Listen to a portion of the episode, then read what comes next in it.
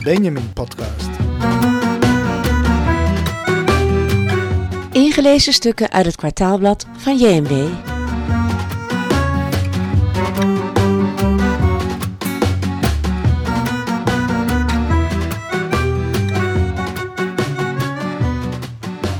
Welkom bij de Benjamin Podcast. Ik ben Ferry Biederman.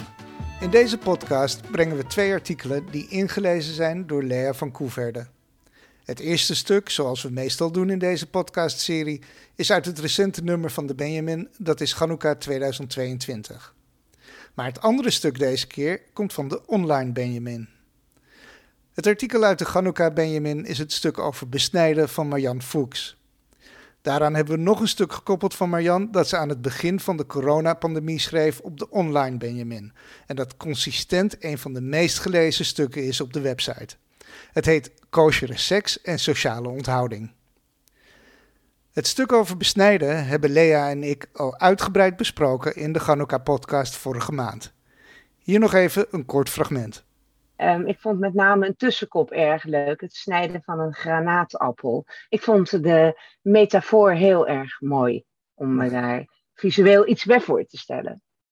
En was je ervan op de hoogte of wist je dat het uh, wat controversiëler aan het worden is, uh, besnijden. Want natuurlijk voor een heleboel Joden is het zo vanzelfsprekend uh, dat je je zoon laat besnijden. Tenminste, dat was het altijd. nu dus blijkbaar iets minder vanzelfsprekend. Nou, wat je vaak hoort binnen niet-Joodse kringen is dat men het een, een verminking vindt en dat het gedaan wordt door, door, ja, bij kinderen die er geen toestemming voor hebben gegeven. Um, ja, ik weet niet precies wat ik daarvan moet vinden.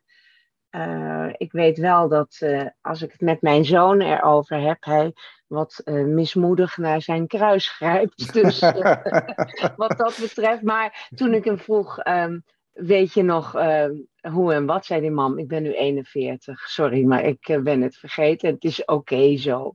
Dus um, vind jij het verminking? Ik persoonlijk niet, nee, maar ja, dat is ook moeilijk. Ik ben er ook uh, mee geboren, min of meer. Tenminste, nee, niet helemaal. Niet het onderwerp besnijden kan zo te horen toch vaak een beetje gênant worden. Onder meer daarom hebben we het stuk over koosjere seks eraan gehangen. En omdat we ons publiek graag geven wat het duidelijk wil. Hier volgen dus de twee artikelen. Tot volgende keer.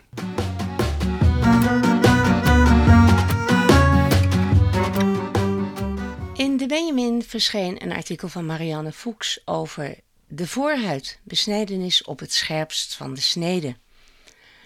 Voor veel Joden is de Brit Mila, de besnijdenis van jongetjes, onlosmakelijk verbonden met hun identiteit.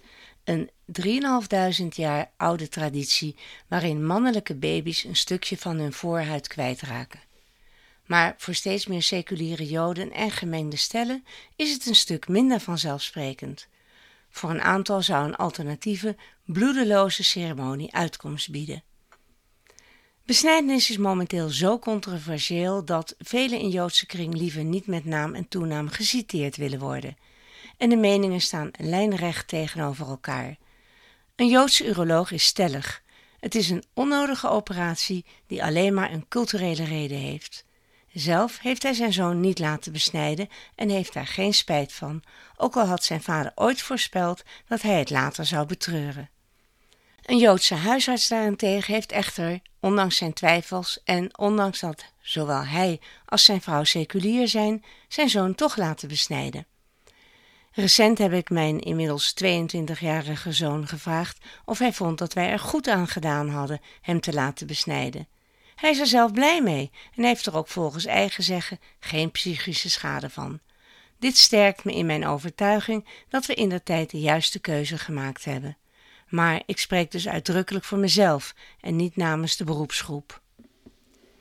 Tijdens de besnijdenis op de achtste dag na de geboorte wordt een Joods jongetje volgens de traditie opgenomen in het verbond dat door God met Abraham is gesloten. Alleen op medische gronden, zoals geelzucht of bij aangeboren afwijkingen aan de penis, wordt de besnijdenis tot een later tijdstip uitgesteld. Vaak is er een plechtige en feestelijke bijeenkomst waarbij de besnijder, de moheel, zijn taak uitvoert. De moheel, vaak een arts, maar dat hoeft niet per se, is speciaal voor deze taak opgeleid. De Brit wordt vaak bij de ouders thuis uitgevoerd met familie en vrienden erbij. Maar het kan ook in een ziekenhuis. In orthodoxe kringen wordt bij de besnijdenis de naam van het jongetje bekendgemaakt. De baby voelt wel pijn, maar valt meestal al snel daarna in slaap. Complicaties komen voor, maar zijn relatief zeldzaam. Maar wat voor velen ontegenzeggelijk onderdeel is van het Joods zijn, is voor anderen steeds meer een onacceptabele verminking, een schending van de lichamelijke integriteit van kinderen, zoals vastgelegd in het internationaal verdrag in zaken de rechten van het kind, en een onnodig en vreed archaïsch gebruik.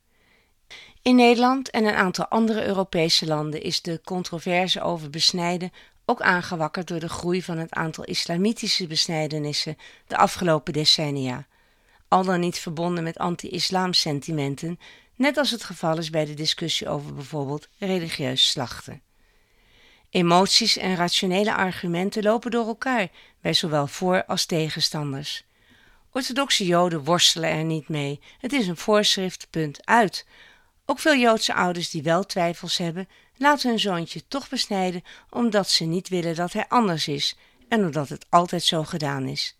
Besnijden zou het juist makkelijker maken voor hun kind om op latere leeftijd zich meer bij het Jodendom betrokken te voelen. Toch blijkt uit demografisch onderzoek van alweer ruim twintig jaar geleden dat langzamerhand waarschijnlijk nog maar een minderheid van de mannen in Nederland die zich als Joods identificeert, besneden is. Er bestaan grote verschillen tussen Nederland en de twee landen met de grootste Joodse bevolkingen, Israël en de Verenigde Staten.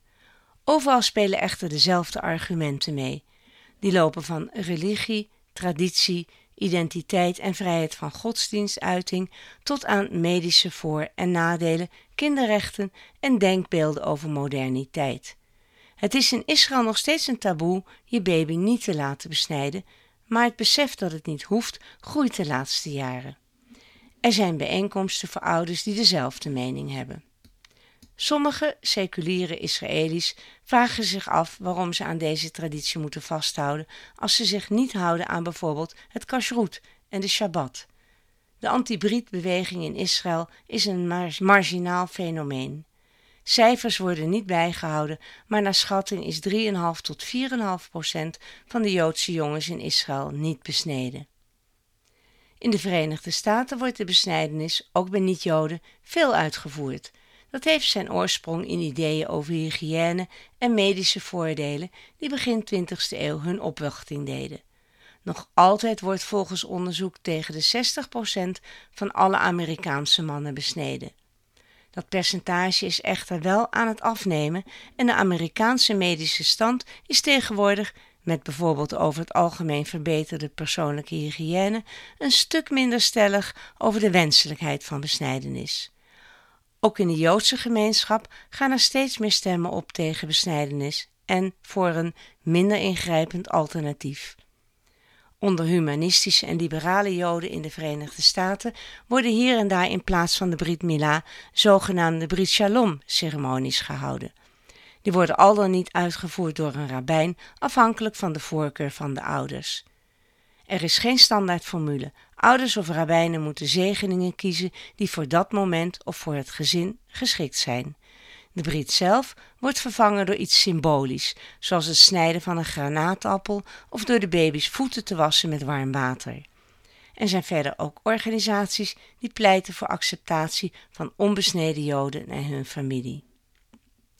Terwijl er in de Verenigde Staten door velen in de medische stand nog positief wordt gekeken naar de besnijdenis en bijvoorbeeld de Britse gezondheidsdienst NHS erkent dat er enkele voordelen aan zitten, zoals onder meer minder risico op kanker van de penis en baarmoedermond en een verlaagd risico op bijvoorbeeld HIV, is men in Nederland falikant tegen.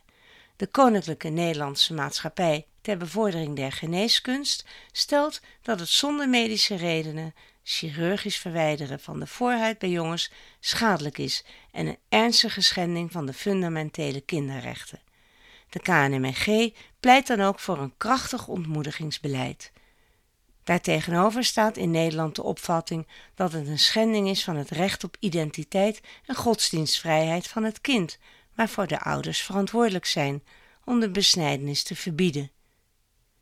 De Joodse huisarts die zijn zoon wel heeft laten besnijden, begrijpt de stellige stellingname van de Nederlandse KNMG niet zo goed en vindt dat de discussie zeer gepolariseerd is.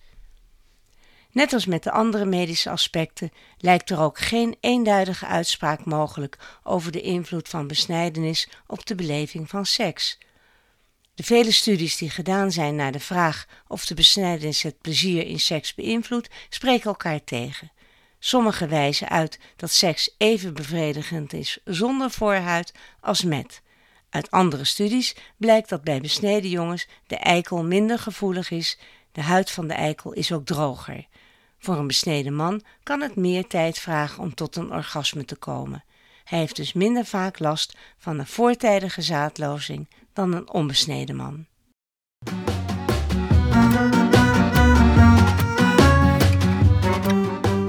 Voor de online Benjamin ten tijde van corona schreef Marianne Fuchs in april 2020 een artikel over kosheren seks.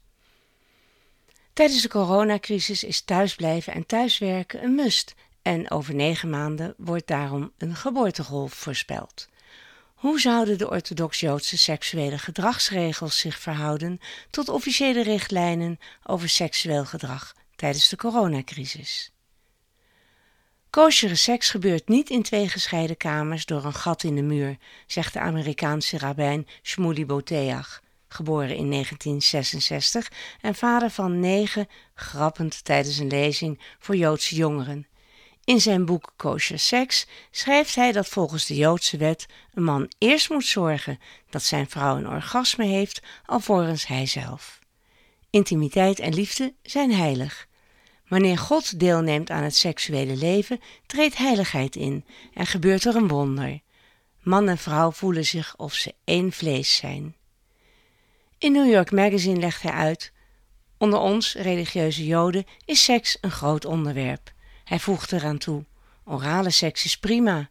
Anaal? Ja, waarom niet? Seksspeeltjes zijn geweldig. Ze wil SM? Tuurlijk. Wat is er mis aan SM? Er is niets niet kosher aan. Rabijn Boteach is een Amerikaans-orthodoxe rabbijn, auteur van 30 boeken, tv-presentator en spreker in het openbaar. Hoewel Newsweek magazine hem uitriep tot een van de 50 meest invloedrijke rabbijnen in de Verenigde Staten, is Boteach niet onomstreden. Hij kreeg veel kritiek over zijn visie op seks en liefde. In sommige synagogen werd hem verboden te spreken. Dat hij niet gewaardeerd wordt door sommige van zijn orthodoxe collega's, komt vooral door zijn grappen en onverbloemd taalgebruik. En hoe kijkt het Jodendom aan tegen seksualiteit? Er zijn verschillende stromingen binnen het Jodendom, van ultra-orthodox tot liberaal, die seksualiteit op hun eigen manier beleven. Traditioneel gezien is seks buiten het huwelijk taboe. Als je naar de Joodse teksten kijkt, Torah, Talmud, etc., wordt er bijzonder positief naar seksualiteit gekeken. Hoewel seks primair voor de voortplanting is, wordt het belang van genot ook benadrukt. Alleen als je goede, uitbundige seks hebt, komt de shugina, een extra goddelijke aanwezigheid in je huwelijk. Ook staat het orgasme van de vrouw voorop. Als de vrouw geen goed seksleven heeft, mag ze een scheiding aanvragen. In het traditionele Jodendom is seksuele onthouding tijdens de menstruatie en een periode van zeven dagen daarna verplicht. De vrouw moet na deze periode in het rituele bad, het mikwe. Pas daarna mag ze weer seks hebben met haar man. Dit vanwege de reinheidswetten. In de praktijk betekent dit dat je de helft van de maand geen seks hebt. Dit zou onder andere zijn om je huwelijk vers te houden. Seks blijft zo iets bijzonders. De tijd waarin je wel seks mag hebben, wordt dan specialer en het verlangen wordt opgebouwd. In de praktijk zijn er, buiten de orthodoxie, niet veel Joodse vrouwen die zich hieraan houden. Seks moet leuk en bevredigend zijn. Beide partners zouden ervan moeten genieten en het mag alleen gebeuren als ook beide partners het willen. Wel staat in de Mishnah dat je als man seks maar een beperkte tijd mag weigeren. Hierna moet de man de vrouw een boete betalen. Als beide partners seks willen is alles mogelijk zolang er maar geen zaad verspild wordt. Het is juist een aanbeveling om nieuwe dingen te proberen en niet alleen klinisch voor de missionarishouding te gaan. Vooral op Shabbat en in het bijzonder vrijdagavond wordt het hebben van intimiteit en seks warm aanbevolen. Joden geloven dat de Shechina, aspect van het goddelijke, dan aanwezig is en deze intimiteit dus een extra bijzondere betekenis heeft. Ook als er geen kinderen meer gekregen kunnen worden, wordt seks aanbevolen. Wanneer seksualiteit tussen een man en een vrouw gezond is en op de juiste tijd uit wederzijdse liefde en verlangen, is seks een mitzwa, een gebod. Seksualiteit dient op de eerste plaats de band tussen man en vrouw te versterken. Het belangrijkste doel van een huwelijk is vriendschap en daarin speelt seksualiteit een grote rol. Voortplanting is ook een reden tot seks, maar het is niet de enige reden. Seks tussen man en vrouw is toegestaan en zelfs aan te raden wanneer er geen kans is voor conceptie. Het is ook toegestaan wanneer de vrouw zwanger is, na de menopauze of wanneer een vrouw een geoorloofde vorm van anticonceptie gebruikt. En dan de vraag: seks tijdens corona, mag dat? Omdat we allemaal aan social distancing moesten doen, mag je alleen seks hebben met je partner zolang je geen symptomen van het virus vertoont en met je partner samenwoont. Voor mensen die een relatie op afstand hebben, levert dit dus praktische problemen op, want je mag nauwelijks je huis uit. Als je niet samenwoont met je partner, mag je hem of haar niet bezoeken, aanraken of kussen. Voor contact moet je het doen met digitale surrogaten. Aangezien intimiteit, seksualiteit en huidhonger basale behoeftes zijn, valt dat voor sommigen zwaar, legt seksuoloog Rika Ponet uit. Ze voegt daaraan toe dat de mogelijkheid tot intimiteit er nu niet is en dat er onzekerheid is over de lengte van sociale onthouding, kan bij sommige mensen stress creëren. We moeten weer leren verlangen. En juist dat verlangen bij seksuele onthouding brengen orthodoxe Joden al eeuwen in de praktijk. Je vindt de Benjamin online op joodswelzijn.nl en als Benjamin Magazine op Facebook. Kijk ook op onze website voor een gratis abonnement op de gedrukte Benjamin. Dit was een Benjamin podcast.